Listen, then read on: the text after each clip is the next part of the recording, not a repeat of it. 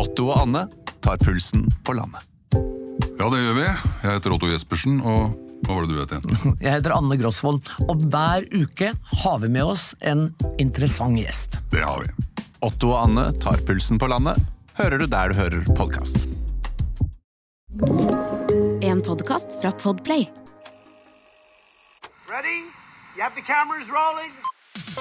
He was hosting boozy parties in Downing Street. But when the president does it, that means that it is not illegal. I have a dream. We will win this election and we will change the country together. Norsk sikkerhetspolitikk og norske interesser står etter kommisjonens mening overfor formidable utfordringer. Velkommen. Velkommen, Mitt navn er Sofie Høgestøl, og mitt navn er Eirik Bergesen. Og dette er vårt nokså uhøytidelige, veldig personlige forsøk på å gå bak ukas nyheter, lete etter sammenhenger og si noe om framtiden, på jakt etter det store bildet, slik vi ser det. Hver fredag.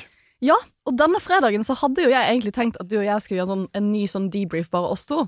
Men så har det jo skjedd store ting denne uken. Og store ting som har blitt fremlagt av en person jeg, ser veldig opp til og har vært så heldig å jobbe sammen med. Og det er deg, Knut Storberget. Så når jeg skjønte at eh, For jeg tenkte på onsdag, du, du ligger jo Vi skal snakke mye om dette, men du ligger jo frem denne rapporten som mange av oss har gått og ventet på. Og det er Forsvarskommisjonens rapport eh, på onsdag. Og så tenker jeg sånn, men jeg kjenner jo Knut, og da sender jeg deg en liten melding på Facebook ganske sent, og kjæresten min var sånn, er ikke det litt sent å ta kontakt? Og jeg bare sånn, nei, nei, nei, jeg kjenner Knut. Og så skriver du tilbake med en gang og sier at du faktisk hadde tid til å komme i dag. Og det, vi er så takknemlige for at du er her. Kjempefint å få lov til å være med dere. Mm. Eh, Bra avslutning av ei travel uke.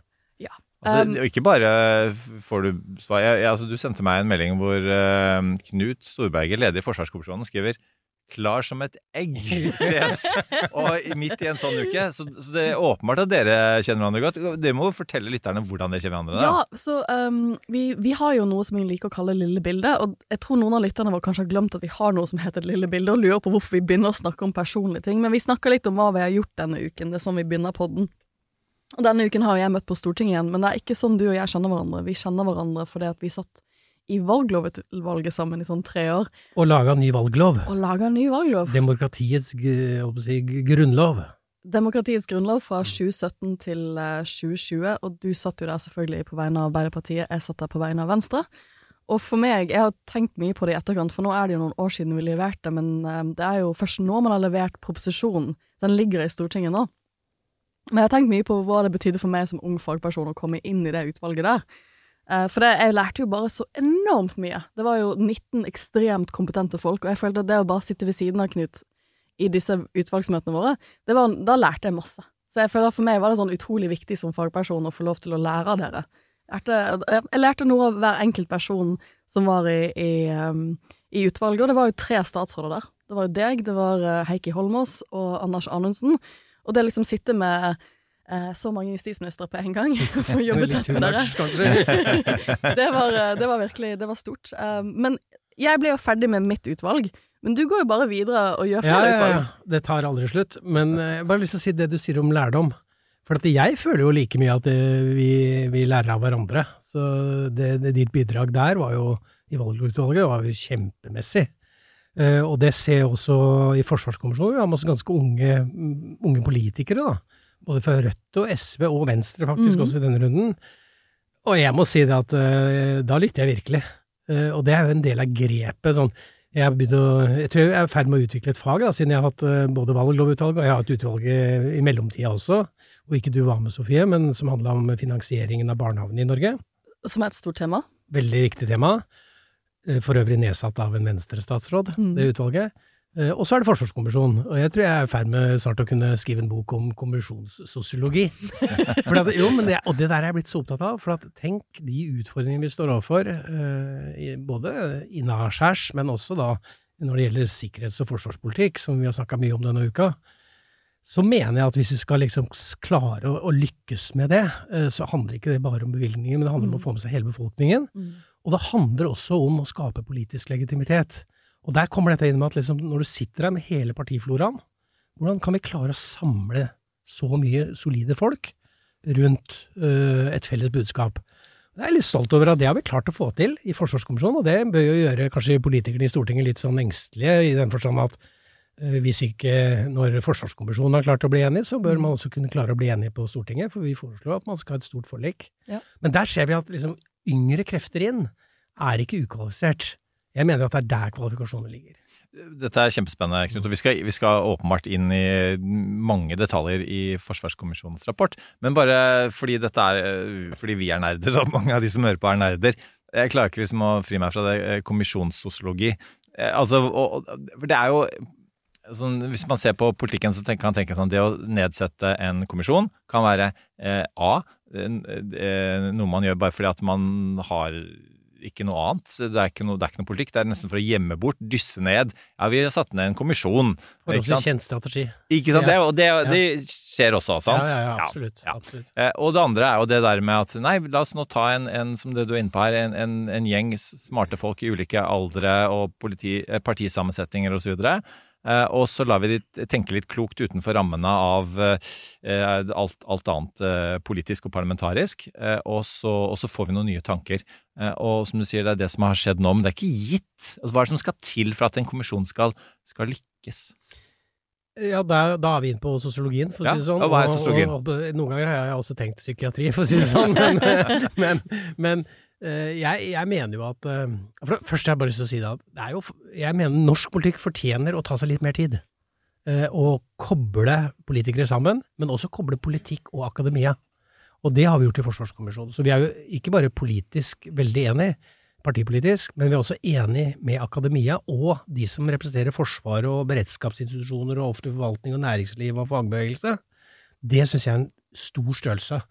Og vi, altså Som statsråd så merka jeg ofte at det sto et hamsterhjul i da, dagligpolitikk og ble plaga av eh, sånn som deg og andre eh, som hadde meninger og var i, skulle ta oss på det minste. Eh, og så fikk du aldri tid til å tenke på det som er de virkelig store størrelsene. Og de lange linjene. Og de lange linjene, men også de gode løsningene. Og, og Norge har alle muligheter for å finne gode politiske løsninger. Derfor mener jeg at eh, jeg syns noen ganger at det skal tas litt mer tid i politikken, og Forsvarskommisjonen er et sånt eksempel. Eh, og nå var det på Det var jo på grevens tid. Altså, det er den fjerde forsvarskommisjonen etter andre verdenskrig. Eh, og da- 30 år siden sist? ja, og 30 år siden sist, så jeg følte, vi følte på ansvaret, og jeg føler fortsatt på ansvaret. Men det er sånn at når du spør om liksom, hva, hva skal til for å få til dette her, så mener jeg at liksom, vi er nødt for å bruke ganske mye tid på å være sammen. Og lære oss et felles utfordringsbilde. Høre det samme. Eh, erkjenne eh, hverandres både svakheter, men også usikkerhet. Jeg må medgi det at når jeg gikk i det første møtet i, Forsvarskommisjonen, livredd. Hørte at der kom det masse kapasiteter som har drevet med dette her i 30-40-50 år. Eh, og jeg så også at det var godt skodde politiske folk, så jeg har også en veldig sånn stor ydmykhet når jeg går til en, en sånn gjerning. Eh, og, da, eh, og vi har brukt enormt mye tid på å skape godt vennskap. Eh, og det gjorde vel egentlig Sofie også i valglovutvalget? Absolutt. Ja. Jeg, jeg prøvde å sitte ved siden av forskjellige folk hvert møte for å liksom få et samhold med alle, og lære noe av alle, og få en bedre forståelse. Alle partiene var jo representert, og så hadde du masse dyktige fagfolk med forskjellige bakgrunner, for å liksom få en bedre forståelse av hvilket ståsted de hadde. Jeg vil ikke si at vi kom oss helt sammen i valglovutvalget, Nei, det gjorde vi ikke. men vi samlet oss på en del ting. ja, og du og jeg var jo Vi var sammen på veldig viktige elementer. Da. Vi ønska jo at 16-åringen skulle få delta aktivt i demokratiet. Også, men du ville ha 5, 5% sperregrense. Ja, og det, jeg, jeg har lurt litt på den 5 sperregrense. For når jeg ser hvordan det går med Arbeiderpartiet om dagen, så tror jeg at jeg trekker meg litt tilbake når det gjelder det. Si det sånn. Neida. Men, men altså, poenget er at øh, når, når en kommisjon eller et utvalg samles, en gruppe mennesker, for å finne gode politiske løsninger, øh, så liker jeg veldig godt at man også gir rom for å kunne endre mening. Eh, og faktisk lytte. Og, jeg hadde en del sånne standpunkter når jeg kom inn i Forsvarskommisjonen, som jeg tenkte dette skal jeg løfte fram, dette er viktig for meg. Og så hørte jeg en del folk rundt bordet, og så tenkte jeg det må jeg endre litt på. Og hvis du har den tryggheten for at du kan si at ja, jeg hører hva du sier, det er faktisk det, Der følger jeg deg. Jeg tror jeg snur litt på den. Jeg følger deg på det. Det er noe annet enn vi opplever i Stortinget. Mm. For at der skal du ikke snu. Altså, Men- du skal bare stå og stå og stå og stå. Alt annet er nederlag, liksom. Hvilke, hvilke eksempler har du på at uh, du sn- snudde? Jeg, jeg eh, mener jo at det, hvordan vi organiserer norsk beredskap, uh, enten det er i Forsvaret eller i det sivile, det kommer til å bli satt på veldig store prøver framover. Dette er ikke bare pengespørsmål. Jeg tror forsvarsgrenene, for eksempel, kommer til å mer eller mindre bli irrelevante. Vi kommer til å få sånn det, det Forsvaret kaller multidomene. altså Det handler om både luft og hær og sjø sammen.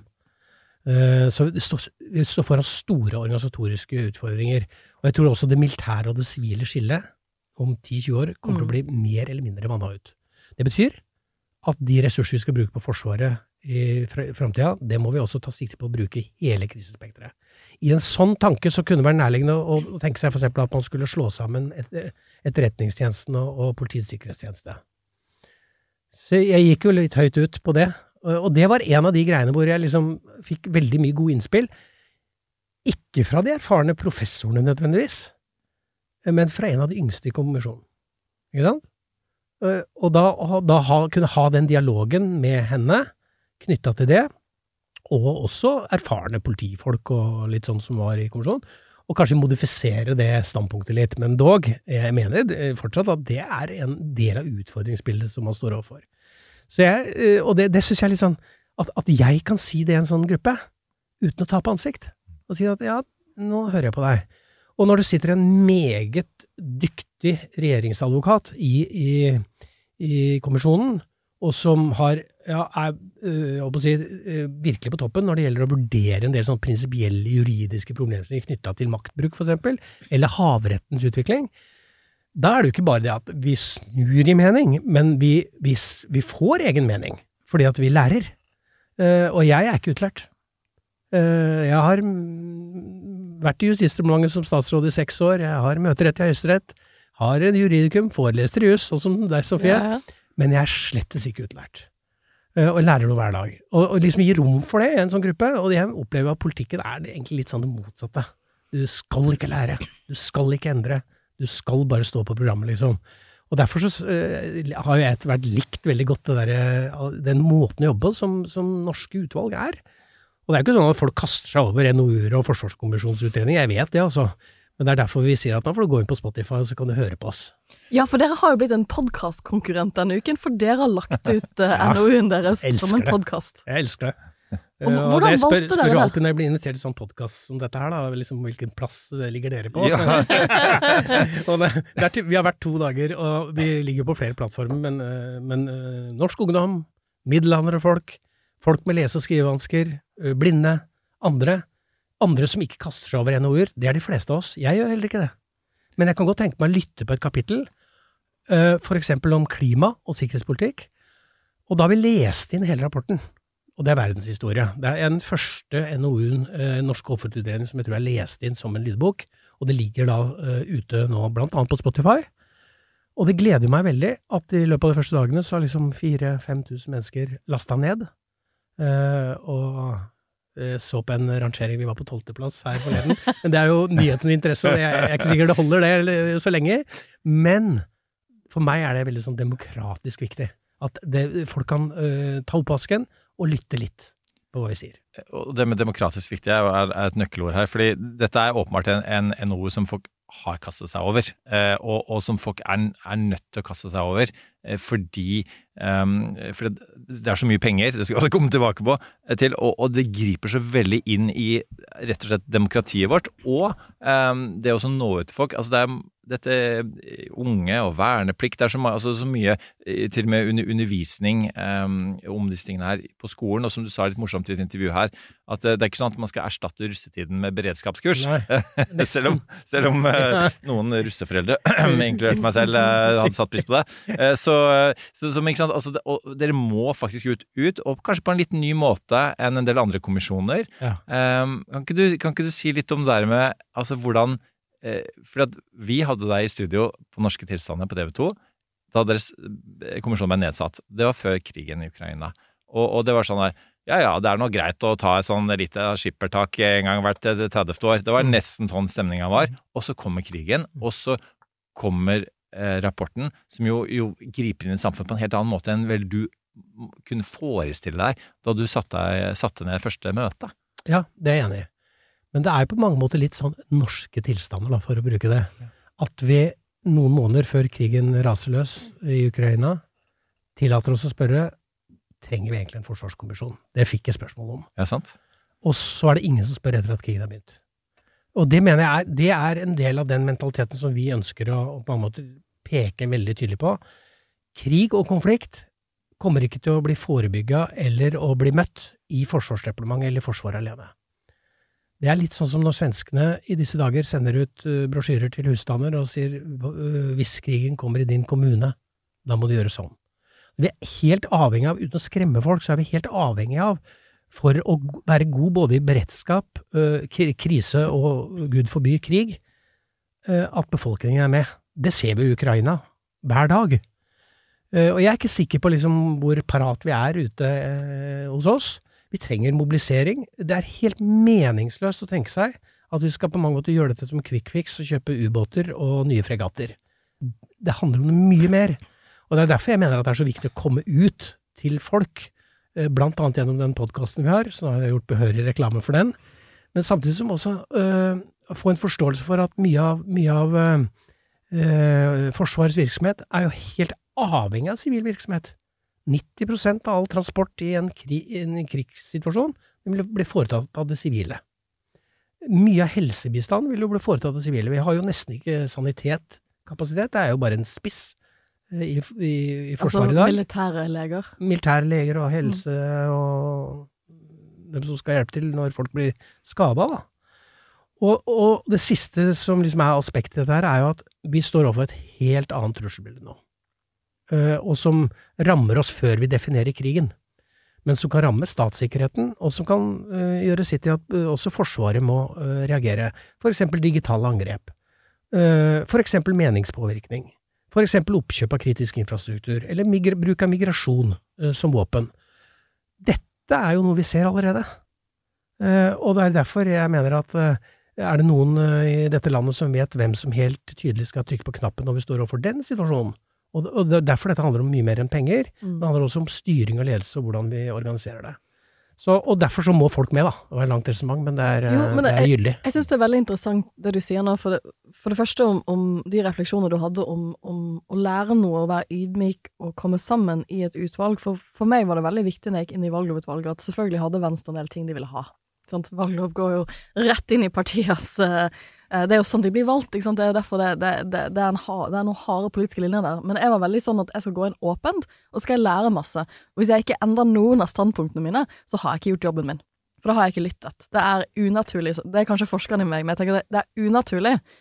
Hvis du har jobbet med en masteroppgave, hvis du tenker det samme som da du begynte, når du har slutta med den, så har du ikke gjort det. Da vet jeg at studenten ikke har gravd seg godt nok inn i problematikken.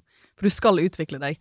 Og det å tørre å gjøre det, det er jo som du sier, det, det er jo den kraften som kan ligge i en, en, en, en sånn grundig utredning, som kan være vanskelig i disse dager å få til på Stortinget. For det at man ofte kommer med og det er jo litt demokratiet sånn som vi har lagd. Liksom. Man kommer med partiprogrammer, man kommer med ferdigutviklet politikk fra alle partiene, og da er det vanskelig å bare legge det litt til side og prøve å finne handlingsrommene man har, da. Så jeg, jeg syns det For jeg var jo veldig spent på hvor enige dere ville være, gitt at dere vi, vi, har hatt så mange diskusjoner i valglovsvalget, og det er jo én ting. Eh, det er veldig viktig, men, men, det å skulle utvikle noe sånt i en krigstid, plutselig eh, Og vi ser jo at på Stortinget så har det jo vært masse debatter. Og så skal, du, så skal dere prøve å gjøre dette arbeidet. Jeg syns det var imponerende hvor enige dere var. Um, og da er egentlig spørsmålet mitt hvordan, hvordan, var det å binde arbeidet? For jeg, jeg snakket med Benedicte, som satt fra fra Venstre i, i, i kommisjonen, hun, hun, tok kontakt og, og, lurte på hvilken erfaring jeg hadde fra valglovutvalget, og hva hun skulle tenke på når hun skulle inn dette arbeidet. Og jeg var sånn 'Å, så heldig du blir. Du skal jobbe med Knut. Det kommer til å, kommer til å lære masse. Det kommer til å bli kjempebra'. Og så, blir jo det, så begynner jo dere før jul, og så kommer jo krigen ganske fort. Hvordan var det å sitte der, eller skjønte, hvordan var det å våkne opp til at, at det var krig i Europa, når du skal sitte her og planlegge dette arbeidet? Nei, det ga jo et veldig alvorlig bakteppe til det arbeidet som vi drev. Uh, og uh, det foranlediger jo at kommisjonen måtte møtes nærmest litt sånn ekstraordinært også. Ja. Slik at vi har jo fått høygraderte opplysninger hele veien om mm. den situasjonen. Uh, så det, det da, da, tror jeg nok enhver av oss var ganske sånn prega at liksom En ting er å bli utnevnt i en forsvarskommisjon, og tenke litt sånn Det er litt abstrakt øvelse. Krig, ja, ok Eh, konflikt, ja, ok, det utenkelige tenker vi ikke da så mye på. Eh, og så ble det så nært. Eh, Slik at da følte vel flere av oss at dette er jo ingen abstrakt øvelse hvor vi skal snakke om eh, abstrakte avskrekkingsbegreper og, og noe som kanskje mulig skal skje og sånn. Samtidig så er jo det, det var det jo på en måte en wake-up call. En sånn ordentlig wake-up call, fordi at eh, jeg, Og det beskriver vi i rapporten, at jeg opplever jo at Forsvaret som sådan, og forsvarspolitikken, har tillatt seg å kjøpe inn kapasiteter uten å tenke på at det skal virke fullt ut. Det syns jeg er fascinerende. Det, det har jo virket som å være en litt sånn skrivebordsøvelse til tider. Ja, at det blir en litt sånn, eh, litt sånn abstrakt, da. At eh, vi kjøper fly, men det er ikke sikkert at vi har full kapasitet. Vi er litt usikre på teknikere og ammunisjon osv. Uh, og det er klart at det kan man kanskje tillate seg en dyp fred.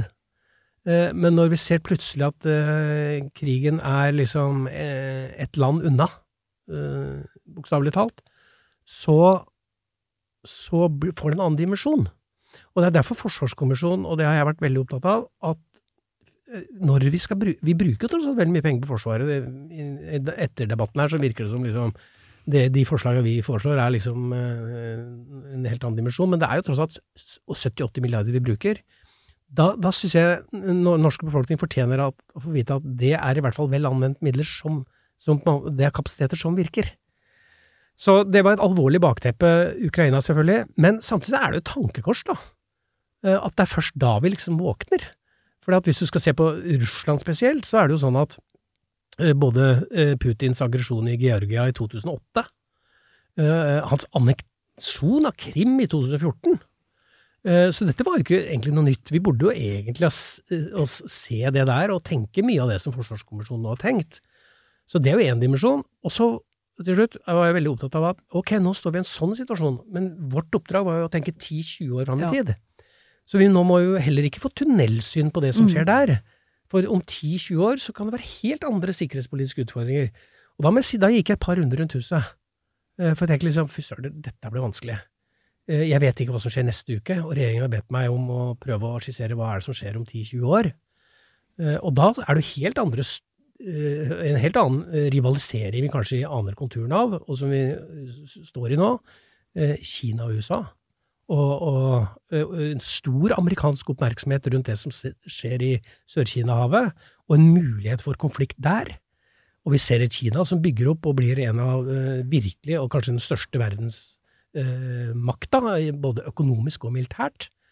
Eh, og som også kan skape trussel overfor Norge i hele krisespekteret. Eh, eksempel digitale trusler. Eh, og med en amerikansk oppmerksomhet der, og hvor man ikke har en mulighet til å kunne yte bistand inn i Europa, så ser vi jo det er et argument for at Norge er nødt for å skape seg mer ressurser for å stå på egne bein. Eh, Så det å ikke få tunnelsyn, og det siste da er også klarer vi å være realister? Klarer vi å gjøre noe som faktisk gir politisk resultat? Og det er derfor dette, den anmodningen vår om et stort politisk forlik Jeg er blitt mer og mer som Torvald Stoltenberg. Konsensus i norsk politikk, veldig bra.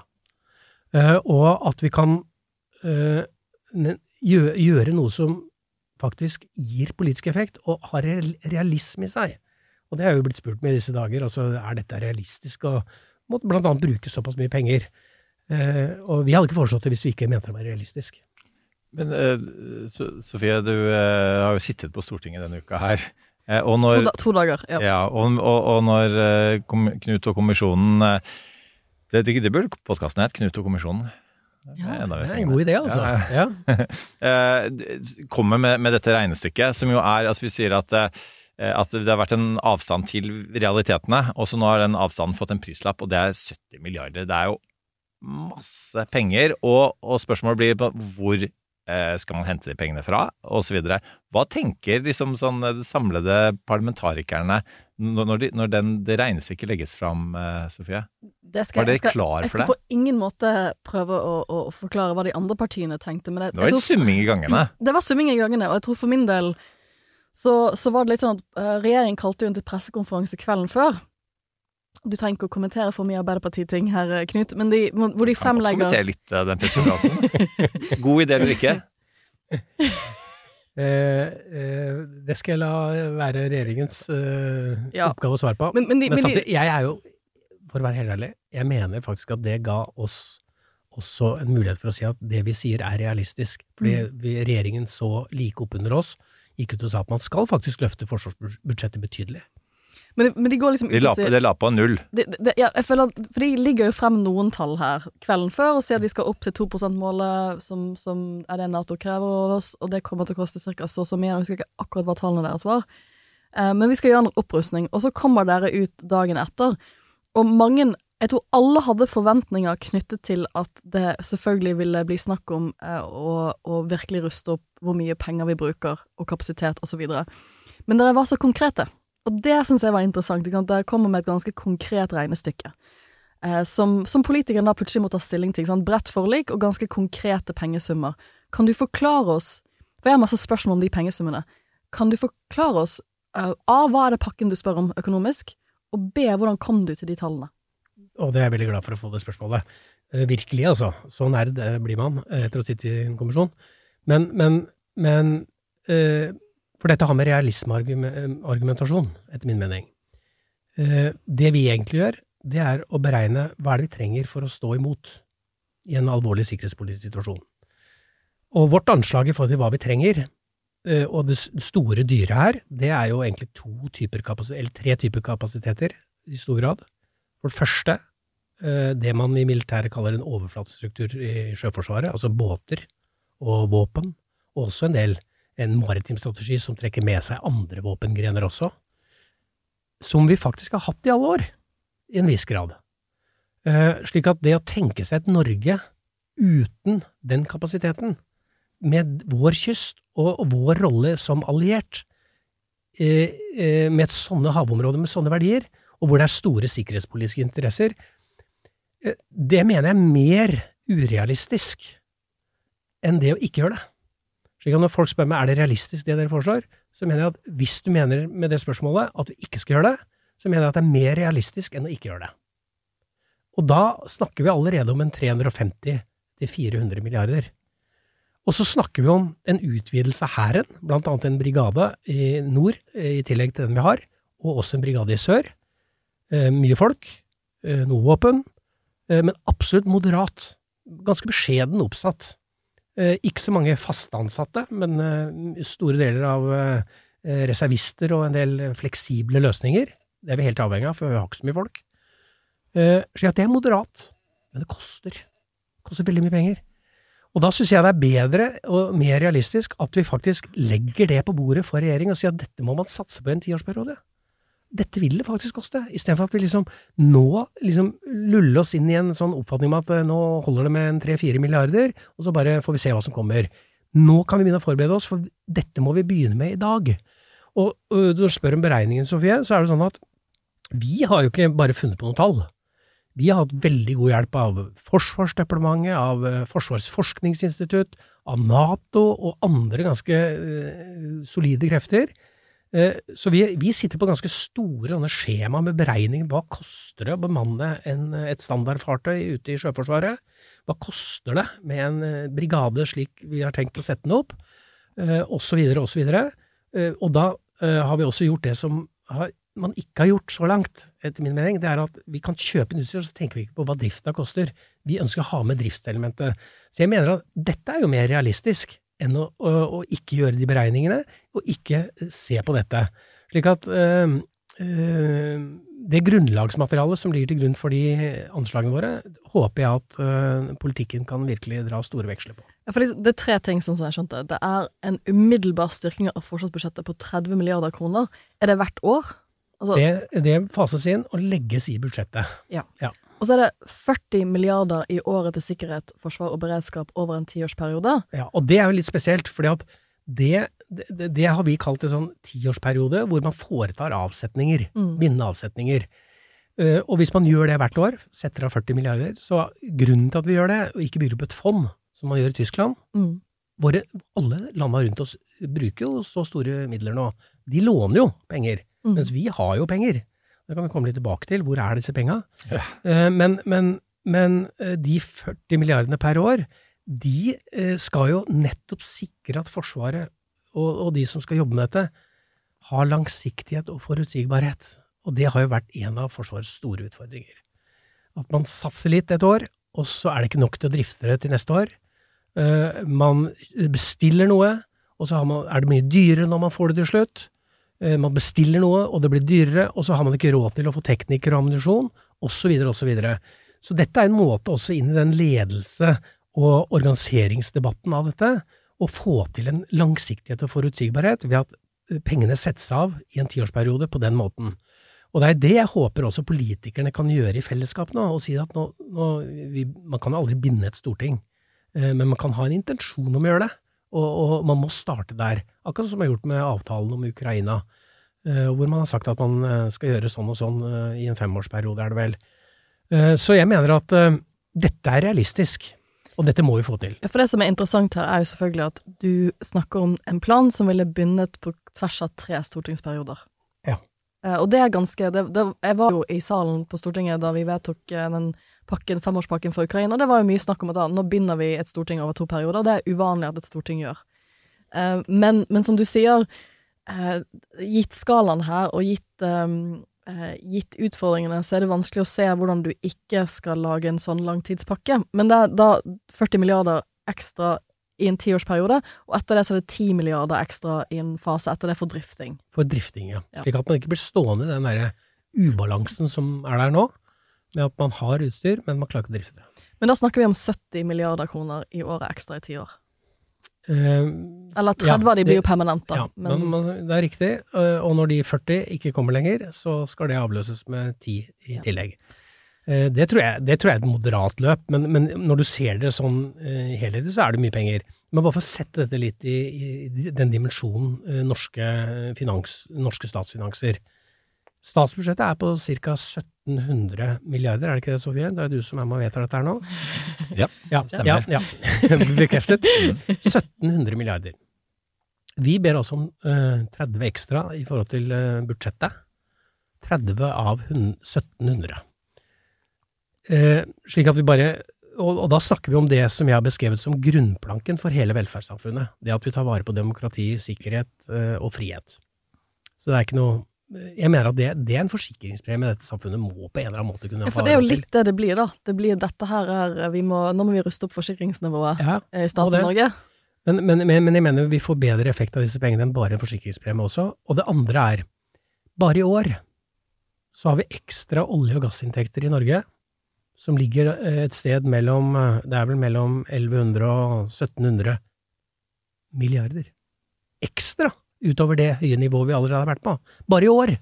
Og det er klart at det, bare det ekstra Hvis du summerer alt dette i en tiårsperiode, så vil ikke det spise opp hva vi tjener ekstra på olje- og gassinntekter bare i år. Mm. Og så skjønner jeg at Finansdepartementet har betraktninger knytta til inflasjon og pengebruk og en del sånne ting. Og at man griper sine fingre inn i oljefondet. Selvfølgelig.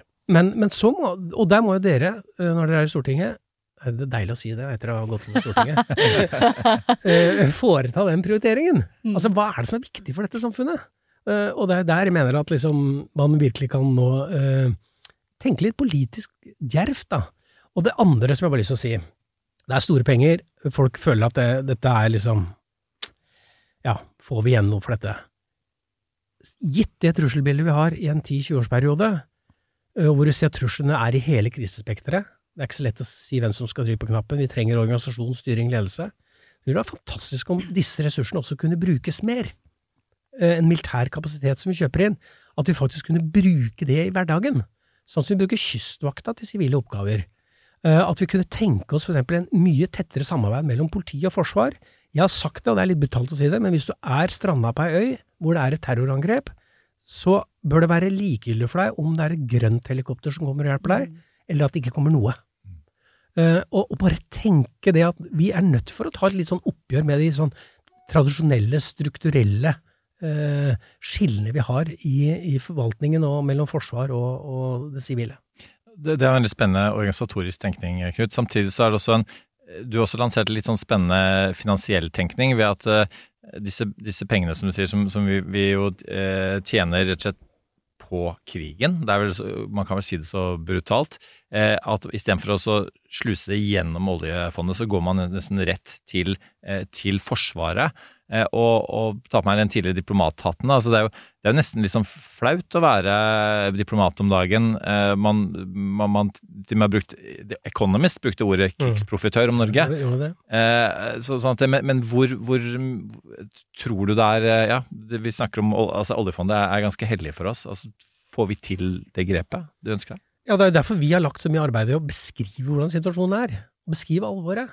Men også, som jeg sa når vi la fram dette, øh, og det var ma masse dårlige nyheter, som jeg sa til statsråden, men jeg har en god. Dette kan vi gjøre noe med. Dette kan vi få til. Norge er jo kjent for ganske brede politiske kompromisser, slik at her har man alle muligheter til å nettopp kunne få til dette. Uh, slik at jeg uh, håper jo at liksom både beskrivelse av hvordan situasjonen er, men også mulighetsrommet dette gir for å kunne tenke og disse ressursene mer og sånn, er ekstremt viktig. Og i forhold til det, det internasjonale klimaet nå mot Norge, vi har jo møtt det som kommisjon. Eh, mange har trukket meg til side og sagt hør her, nå må dere begynne å bidra som allierte. eh, I Nato, for eksempel, og komme dere opp på det nivået. Vi har jo store forpliktelser, også ikke bare for oss sjøl, men vi er altså eh, artikkel fem i Nato, som skal gi oss bistand hvis vi er ille ute å kjøre. Det er jo ikke bare en kom og hjelp Norge-bestemmelse.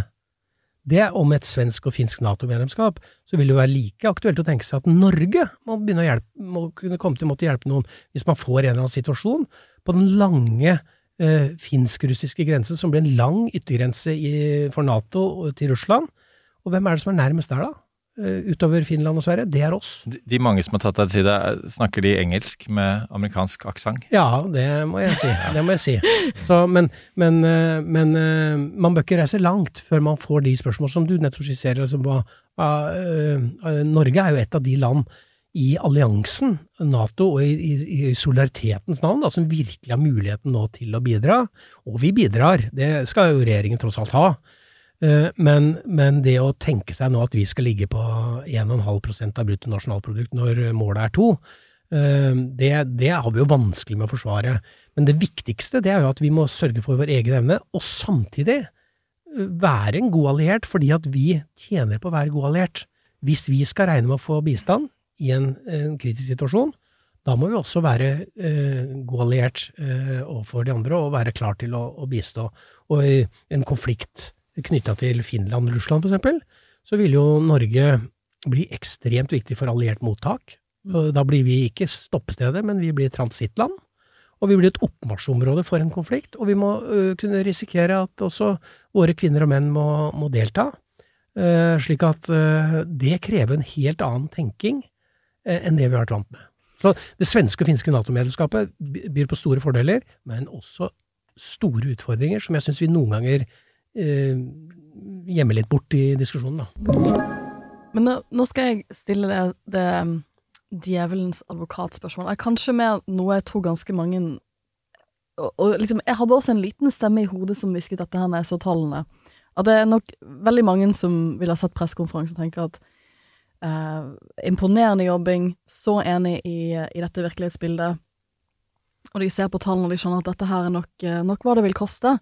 Men samtidig vil tenke at oh, liksom, vi, liksom, Jeg tenker på det litt som, eh, litt som eh, når man skal gjøre seg klar for sommerkroppen 2023, selv om jeg skjønner, mener at alle har en sommerkropp og ikke trenger å gjøre seg klar til det. Men liksom, hvis man tenker sånn, nå skal jeg komme i skikkelig god form, og så gå ut med de beste intensjoner. Nå, har vært, liksom, nå er jeg kanskje kost meg litt for mye noen år, nå skal jeg komme meg i form, jeg vet sånn cirka hva jeg må gjøre. I'm all in.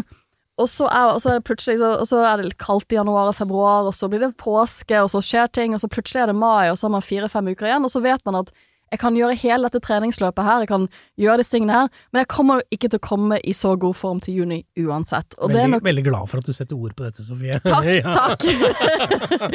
jeg snakker ikke om personlige erfaringer her. Nei, men, men, liksom, men jeg tror nok det er en del som ser se på disse tallene og tenker sånn vi, Ja, vi kan sikkert bruke alle disse pengene her, men kommer, kommer det til å ha så mye til å si? Kommer, vi er fem millioner mennesker, vi er et lite land. Hvor mye forsvarsevne kan vi egentlig forvente at vi kan ha? Hva- Kommer det til å hjelpe så mye hvis vi blir invadert? Gi det oss to dager til før vi blir okkup- fullokkupert. Ja. Det er nok noen som vil tenke sånn. Ja, jeg har tenkt mye sånn. Ja. Eh, betyr det noe? Betyr det i det hele tatt noe hva vi gjør? Eh, jeg er blitt helt overbevist om, etter å ha reist rundt både i verden i, med Forsvarskommisjonen, men også i Norge, at dette kan bety noe. Virkelig, altså. Eh, Og det må ile til å si, for det blir jo ofte litt sånn svart bilde av eh, situasjonen når vi ser at kapasiteter ikke virker og sånn. Men vi har på mange områder et veldig flott forsvar, og mye eh, ekstremt god kompetanse, fra general til menig. De grensejegerne vi har på grensa, fantastisk folk i førstegangstjeneste. Kystvakta, som gjør jo en daglig tjeneste for det sivile samfunn, som er helt i verdensklasse, etter min mening. Vi har spesialstyrker, som eh, vel også er av de internasjonalt aller, aller, aller beste.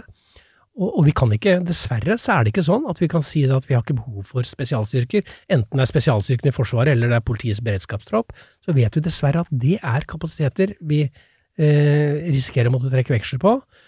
Og da, og da er det litt sånn at jeg Og hvis vi samtidig også tenker oss at hvis vi skal investere så mye i Forsvaret som vi peker på, og vi kan bruke det mer i det daglige og hele krisespekteret fordi trusselbildet er annerledes, da betyr det virkelig en forskjell. Og det er der jeg tror at vi må nå, ved siden av at vi må ha en mentalitetsendring opp mot hva slags trusselbilde vi har, så må vi tørre å tenke litt sånn modig.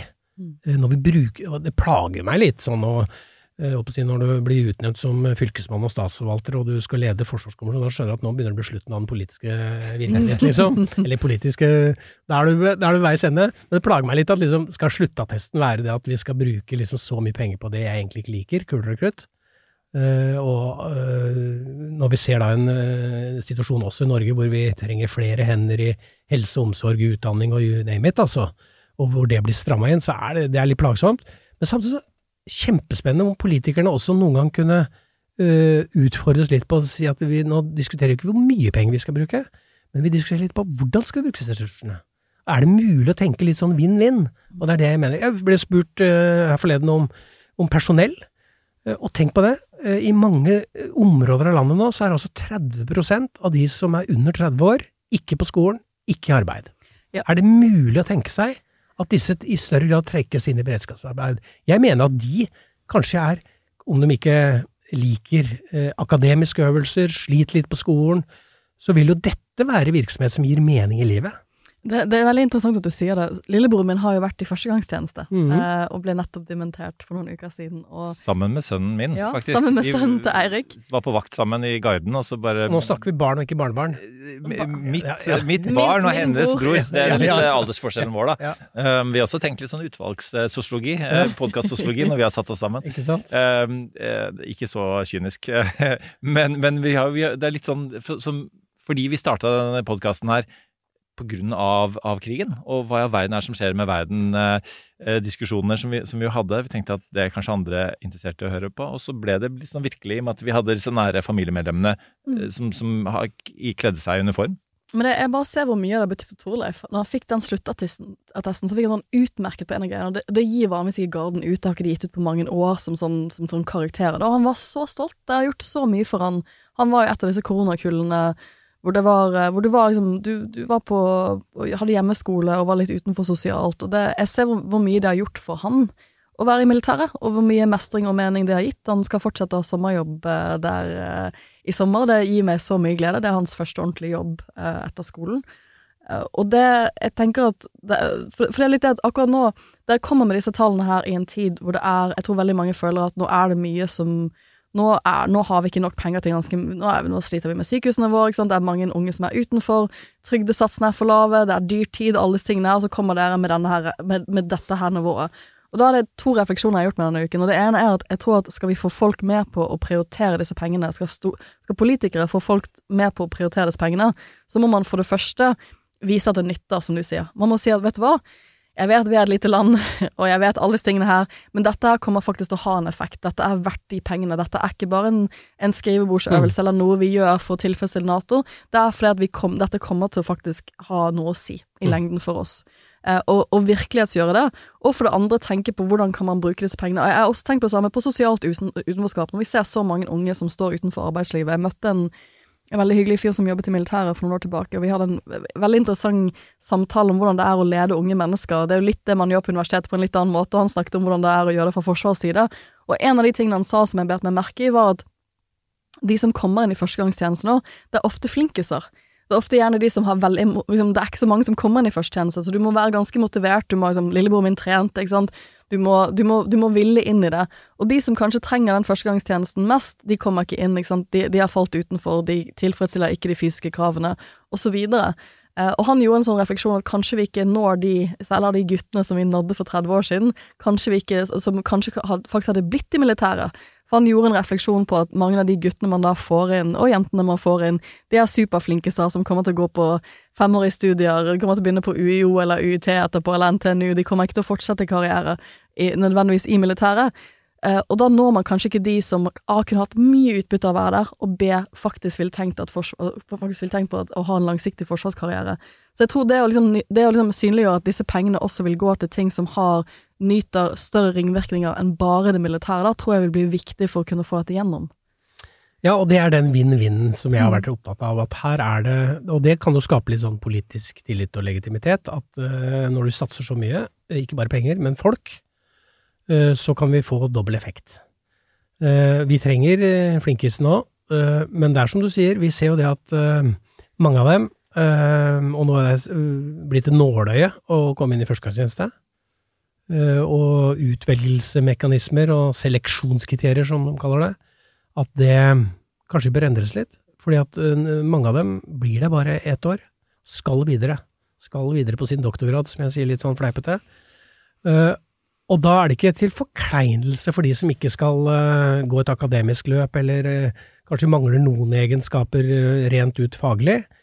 Men jeg mener faktisk at vi har erfaring fra andre sektorer på at uh, det å skape lojalitet, dyktighet i utførelse av arbeid og sånn, ikke nødvendigvis blir målt på de papirene som de ungdommene kommer med.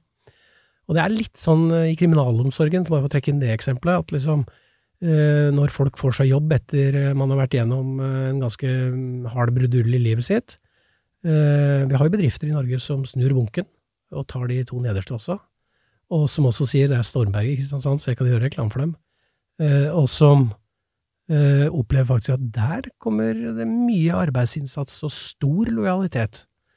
Uh, og en annen dimensjon i dette er jo at vi hører jo fra de yngre at det som plages, uh, det plager dem ofte, og som ligger til grunn annet for at man er i et utenforskap, er jo en oppfatning av meningsløshet. og at man ikke føler at man sjøl spiller noen rolle.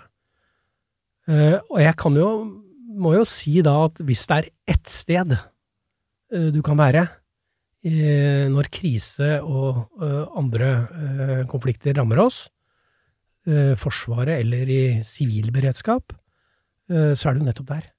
Og hvor menings, det meningsfulle kommer. Så at, vi skal ikke bygge opp Forsvaret for å, å forhindre utenforskap, men jeg mener at vi har en vinn-vinn her, som vi skal tenke litt nøye på, og også tenke litt på hvordan hva, det, hva, slags egenskaper er det vi egentlig legger vekt på når vi skal plukke ut folk som skal bemanne? Bare sånn, Jeg skal slippe deg til straks, Erik, men jeg, tenk, har tenkt mye på det um, jeg, jeg, tok en buss hvor jeg skjøt forbi Tusenfryd denne uken. Det, jeg jobbet på Tusenfryd, det var den første jobben jeg hadde.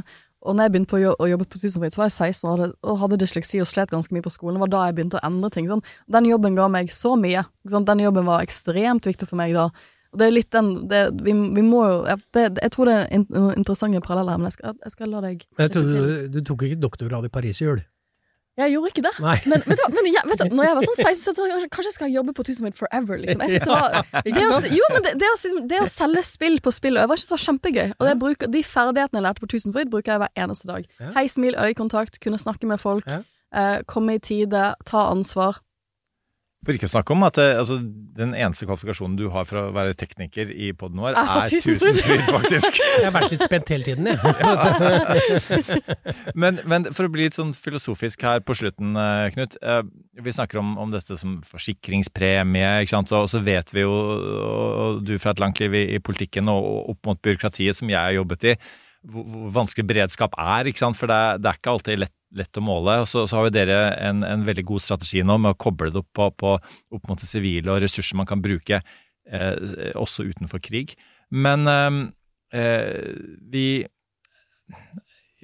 ja, du, vi, vi, snakker om sånn som uvirkelige hendelser, mm. ikke sant. Du brukte det uttrykket, lånte fra bl.a. din tenkning rundt 22. juli. Mm. For at du er vant, du har vent, måttet venne deg til, bli tvunget til å møte at det virkelig kan skje. Mm. Um, og så snakker vi litt om, om Russland og jo, men, ja, hva med Georgia, hva med Krim osv. Eh, og så skal vi se litt fremover, og så ser vi at, at Kina har ikke nødvendigvis eh, de beste hensikter i Taiwan, og de har til og med vært noenlunde åpne om det. Eh, eh, så og, og det, og, dette med fred da, og dette med demokrati osv. Vi vet at ikke alle land i verden ønsker seg verken fred eller demokrati, eh, for det er ikke de tjent med. Altså er vi litt sånn, må vi altså den derre, Hvis vi tenker langt fram i tid, da, altså er, er ikke det bare Skal vi ikke på et, en eller annen, et eller annet tidspunkt eh, dessverre måtte bare finne oss i at vi må ha en del forsvar, fordi menneskets natur, eh, styringssystemer rundt i verden, er lagt opp til at den faren alltid vil være der. Eh, altså er det noe, Hvis vi skal være litt menneskelige her, Mm. er, er det noe der som, som vi er nødt til å tenke på en litt annen måte? Ja, jeg tror det. Og det, og det er litt sånn at du- for det første er det for seint å forberede seg på krigen når krigen kommer. Slik at det, å litt, og det er en anstrengende øvelse, altså, for vi vet at det er så mange andre hensyn. Når du sitter i Stortinget sånn som Sofie gjør, så, så, så vil du måtte da vil du måtte ta stilling til dagsaktuelle hendelser. Og det å liksom sette av liksom politisk kapasitet altså, du, du får ikke noe særlig gevinst politisk heller ved å si at nei, jeg prioriterer å bygge opp beredskap. Så jeg mener at mye av den øvelsen som vi har gjort i Forsvarskommisjonen, handler egentlig om å gi, å, å gi beredskapen tilbake til folk. Eh, og at det er ikke noe som eh, skjer i et forsvarsdepartement eller en lukka militærstruktur. Det er vi nødt for å gi tilbake til folk. Vi er nødt for å begynne å få folk til å forstå at det er nyttig å ha ekstra vann i kjelleren. At uh, En sekk med ved. Eh, slik at, og det er ganske fremmed for oss. Eh, når jeg begynte med det hjemme, så var det litt sånn eh, hoderystende rundt middagsbordet. Nå er den blitt gæren, liksom. Men, men i dag vil jo de fleste forstå det. Det skal ikke så mye til. Og vi har jo vært gjennom en pandemi òg, hvor vi opplevde ting som egentlig mange av oss så på som Nei, er det så farlig, ja? Skal vi virkelig kjøpe smittevernutstyr og ha det på lager, liksom? Og så sto vi der. Eh, Og det var til tross for liksom at eh, myndighetene med Direktoratet for samfunnssikkerhet eh, nettopp hadde satt pandemi øverst på risikobarometeret sitt gjennom år. Så vi trenger sånn trening i det å bringe beredskapstenking tilbake til folk, og ikke monopolisere det til noe, noe som skjer i det offentlige og som er litt dulgt. Og derfor så er jeg så opptatt av at dette handler om så mye mer enn å bevilge i Stortinget. Eh, og det er derfor vi har lagt stor vekt på, jeg syns jo Forsvarskommisjonens rapport også er blitt veldig god lesning. Veldig fornøyd med teksten. Eh, vi har vært veldig nøye med bildene, eh, illustrasjonene. At dette skal være noe som folk kan liksom På alle hold, egentlig. Bare om man ikke leser hele, kan lese litt. Lese et sammendrag. Se på hva er det dette egentlig dreier seg om. Uten Og så spør folk meg ja, men du skaper ikke frykt og redsel ved å si dette. Og det, eh, noen ganger så har beredskapsarbeid vært litt prega av at vi snakker ikke så mye om det, fordi det vil skape mye eh, redsel i samfunnet. Skoleskyting er et sånt eksempel. Eh, Hvor vi hadde en strategi om liksom det det vi ikke snakke om. Men min kontakt med barn, særlig, vi har hatt mye kontakt med barn og unge i dette arbeidet. Hadde med elever fra Grefsen skole når vi la det fram, og hatt mye kontakt med barne- og ungdomsorganisasjoner, politiske og andre. Eh, mitt inntrykk er det at liksom, de vet jo hva slags situasjon som rår ute. De sosiale plattformer og medier og sånn, i dag gir dem et ganske godt bilde. Vet, min 13-åring vet mer enn jeg liker å tenke. Og det som skaper trygghet for henne, det er jo først og fremst at vi erkjenner utfordringene, og at vi gjør noe med det. Eh, slik at jeg sier til henne når jeg sitter på sengekanten at eh, det er ikke så uh, Vi skal klare det. Eh, frykt ikke, sov godt. Eh, fordi at det er voksne i samfunnet, og vi har politikere og andre eh, som faktisk skal gjøre noe med det. Og det, alt det arbeidet som vi driver med i Forsvarskommisjonen, det gjør vi for at vi skal føle trygghet. Og det å vise fram at det skjer ting, det skaper veldig mye trygghet. Så jeg er ikke så redd for å sette ord på det. Altså, vi er nødt for å gjøre det. Eh, og så er jeg overbevist om at eh, det mulighetsrommet som Norge har, det skaper også mye sånn psykisk trygghet hos oss. Nei, det, dette, dette er jo virkelig det store bildet, og, og jeg, jeg syns det er spennende at du, du snakker med hvordan å snakke med barn om dette, for det er klart at jeg tror veldig mange har følt siste året at eh, inntil, eller geopolitikk kan være spennende å se på Urix, men siste året, eller siste halvannet årene har det føltes som om man har fått det rett inn i hjemmen. Og det å plutselig være en stasjon hvor noen skoler i Oslo har gitt ut um, brev om jodtabletter uh, før vinterferien, sånn, det er tøft. Eh, men samtidig, jeg, jeg tror ikke man kan Man må jo sånn greie den balansen som For jeg har tenkt mye på hvor, hvor trygge, eller hvor viktig det er å trygge folk akkurat nå. Man føler at økonomien går feil vei. Vi alle føler oss litt fattigere enn det vi gjorde i fjor. Folk sliter virkelig nå i, i samfunnet. Og man har dette geopolitiske bildet som er vanskelig å navigere. Så er det utrolig viktig å trygge. Er, men, samtidig, men for å trygge så tror jeg også man må være ærlig om utfordringene. For man trygger ikke folk ved å eh, ikke eh, være ærlig med deg. For at jeg blir i alle fall mye mer rolig når folk lyver. Eller når jeg føler at nå, nå, ikke, nå snakker ikke du sannferdig med meg. For man kan først bygge den tryggheten, tror jeg, basert på, på ærlig kommunikasjon. Og jeg syns at det som, jeg, det som jeg likte også Jeg likte at dere var så konkret på pengetallene. For det, du sa til meg på vei inn i studio at du liker ikke prosenter. Mm. For det blir så vagt. Mm. Så nå har dere gitt oss en ganske sånn For nå vil jo også alle politikere bli bedømt etter den regnestykket det har kommet med. Det blir jo utgangspunktet for videre debatt. Det er veldig konkret. Og så Rapporten er jo lang, men dere har jo liksom knyttet det ned til et par sentrale kulepunkter som ikke er penger. Som er liksom de lange tingene da, liksom, hvor dere har tenkt virkelig sett på det store bildet. Og det er jo at dere ville ha et bredt forsvarsforlik. Det har Mm. du begrunnet godt nå. ikke sant? Um, det vil styrke Forsvarets egen evne. Um, maritim satsing har du vært inne på. Uh, og dette sivilt-militærsamarbeid og totalforsvaret, det det vi snakket om nå. Og så er det nye krav til styring og ledelse. Hva, tenker, hva mener du med det? Det er kanskje det kullepunktet vi ikke har snakket så mye om. Ja, og det, øh, det er jo et av de viktigste gullpunktene, Mm. i hvert fall i vårt arbeid. Ikke en krone ekstra hvis vi ikke får til bedre styring og ledelse av de midlene som kommer. Eh, Og eh, jeg mener at regjeringens største utfordring, det er, og det er de som har ansvar for hvordan man organiserer offentlig sektor, har betydelig frihet til å organisere det sånn som vil, uansett hva dere i Stortinget måtte si. Organisasjonsmyndighet, er Ja. det vi kaller det på studiet? Nettopp. Øh, og si, da er vi utafor legalitetsprinsippet på mange måter. Der har man full mulighet. Og plikt. Og det Riksrevisjonen har sagt, øh, og andre aktører har sagt, knytta til hvordan midler blir forvalta i eh, Forsvaret og forsvarssektoren, det er alvorlige signaler. Eh, og det er sånn når du skal rehabilitere en fregatt, så er det liksom 19 eh, instanser i Forsvaret som er inne, eh, og som eh, gjør sitt til at det er fragmentert, og det er vanskelig å finne hvem som er ansvarlig. Og det blir fire års forsinkelse og 52% budsjettsprekk. Vi kan ikke ha det sånn. Vi er nødt for å prøve, selv om vi skal ha god politisk kontroll over militærmakten i framtida, det trengs, den kommer til å bli større, og det trenger vi også politisk kontroll over det, Eh, så det må vi ha med oss, så er vi nødt for å ha en styring av dette som i større grad plasserer ansvar, og som også gjør det mulig å gjennomføre. Eh, Og det er store, en av de virkelig store utfordringene. Og hvis man nå skal begynne å kjøpe nye kapasiteter og sånn, så må man ha en helt annen tilnærming til det enn det vi har sett.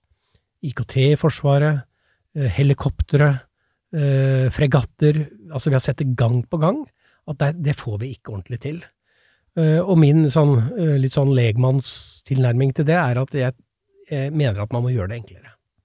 Man må lage enklere strukturer, klarere ansvarslinjer, gi forsvarssjefen eh, kanskje mer makt da, til å nettopp kjøre de prosessene, men også ansvar for at det blir eh, kjørt gjennom.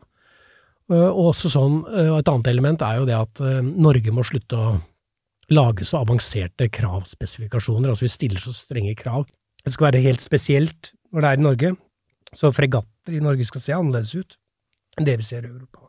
Så det må bli mer hyllevare. En mindre kravspesifikasjon. Kan jeg stille siste spørsmål før vi, Ja, før vi må gi oss? Vi, vi fordi, for landing. eh, Jeg har ett til spørsmål, men så, så skal vi gå inn for landing. Jeg lover, Eirik. Du skal, du skal videre, Knut, og det, det er eh, andre podkaster som banker på døra her, eh, som, som også har viktige ting å snakke om um, i deres verden.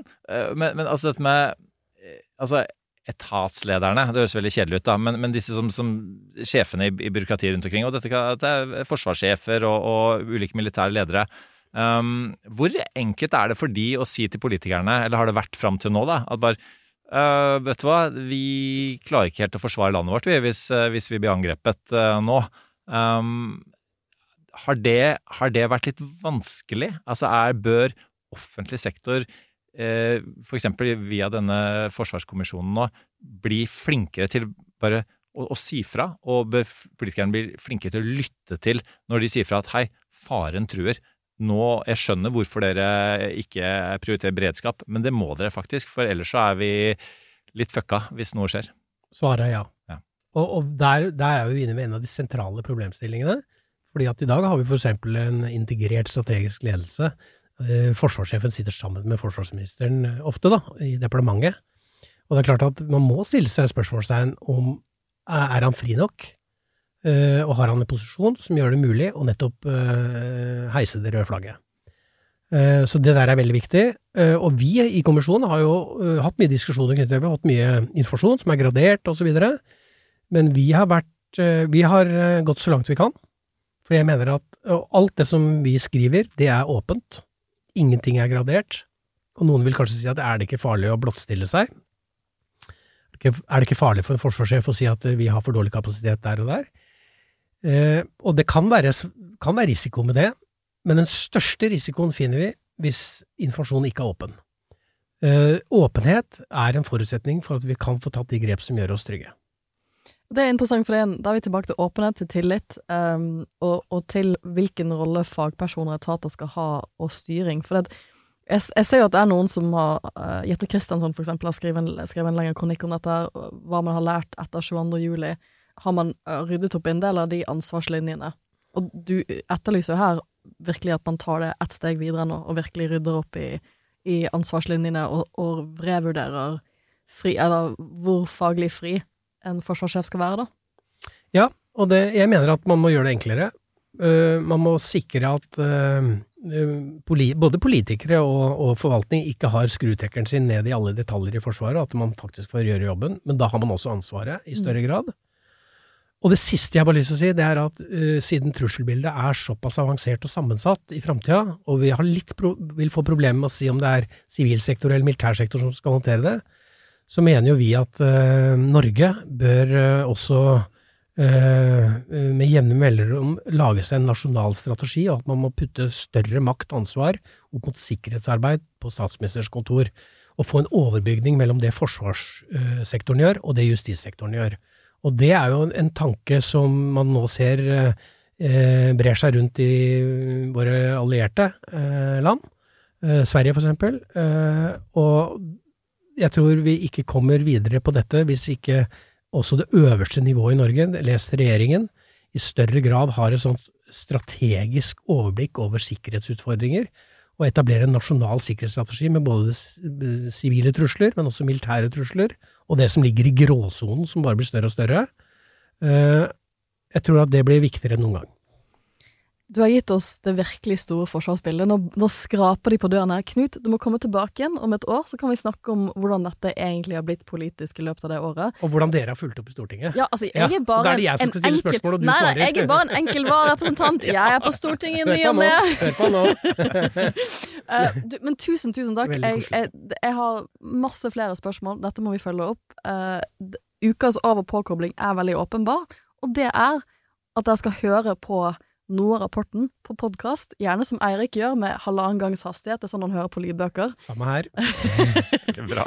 Eh, Endelig. Litt støtte til det. Ja. Og, og leserapporten, som du sier, den er ganske lesevennlig. Den er godt illustrert.